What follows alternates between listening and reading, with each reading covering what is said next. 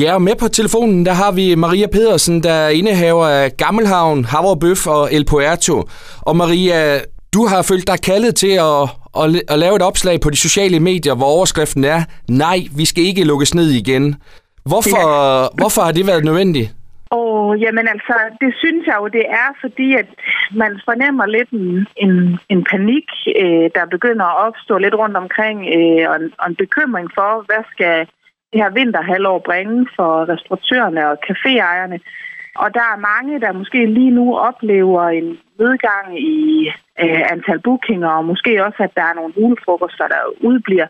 Øh, og det gør selvfølgelig, at man er bekymret, fordi man har en, en del faste udgifter, også oven på en travl sommer, hvor vi har opmandet alle sammen. Så, så der er jo egentlig mange, der måske føler sig lidt kaldet til at sige, luk os, eller give os nogle kompensationer, eller øh, gør et eller andet. Øh, men jeg synes, det er den forkerte vej, fordi vi har jo lært at håndtere det nu øh, efter snart to år i den her coronasituation. Øh, og der skal vi jo trække på vores gode erfaringer i stedet for at så tale vores branche op og ikke ned. Og der er jo, som du selv er inde på, flere restauranter og caféer, der lige nu selv er ude og opfordrer regeringen til, til en nedlukning. Altså, det, det, det, gør, det gør ondt på dig, kan jeg fornemme.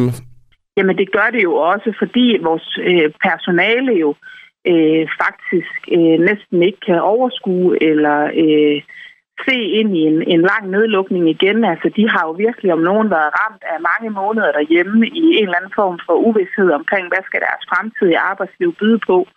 Øh, og der skal vi som arbejdsgiver jo være super dygtige til både at kunne motivere og fastholde på afstand. Det er rigtig svært, når man står i sådan en nedlukning, øh, hvor mange er, er sendt hjem på lønkompensation.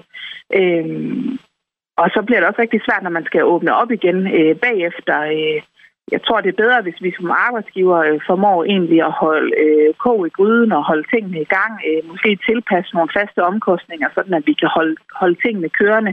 Øh, men jeg synes ikke, vi må gå ud og opfordre til, at vi skal lukkes, som situationen er lige nu i hvert fald. Men vi ser jo de her stigende smittetal dagligt.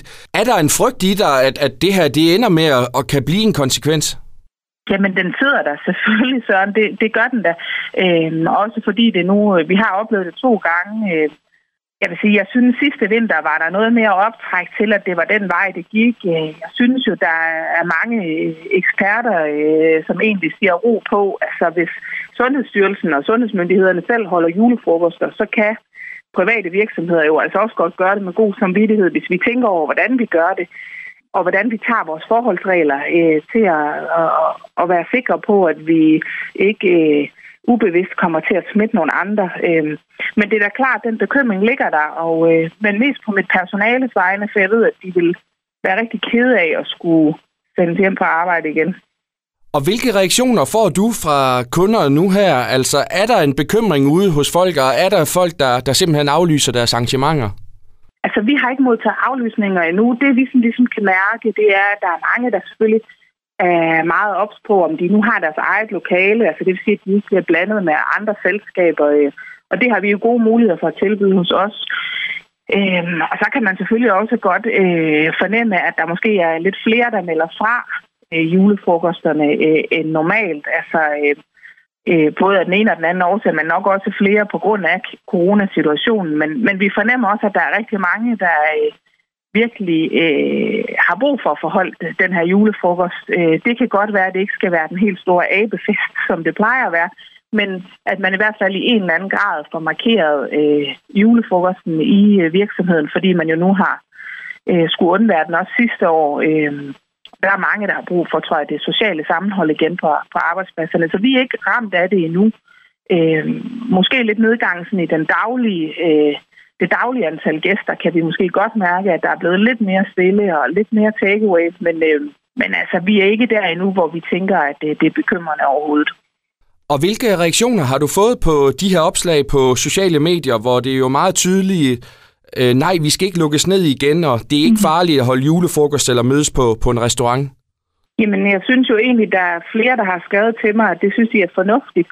Øh, også fordi, at man jo Øh, også fordi, at jeg vælger at fokusere også på det faktum, at øh, nu vores brancheforening Horesta har jo egentlig gjort rigtig meget for at uddanne restauratørerne og deres medarbejdere. Mere end 8.000 medarbejdere har taget det her Safe to Visit kursus igennem Horesta, som handler om gode arbejdsgange og hvordan du kan minimere smitten. Der er altså rigtig meget viden ude øh, i restauranterne øh, og selskabslokalerne omkring, hvordan vi gør det her forsvarligt. Øh, så der er egentlig mange, der øh, også har samme holdning, at det her, det skal vi passe på, at det ikke bliver en glidebane, at så snart det bliver lidt svært at få ting til at løbe rundt, at så skal det bare lukkes ned.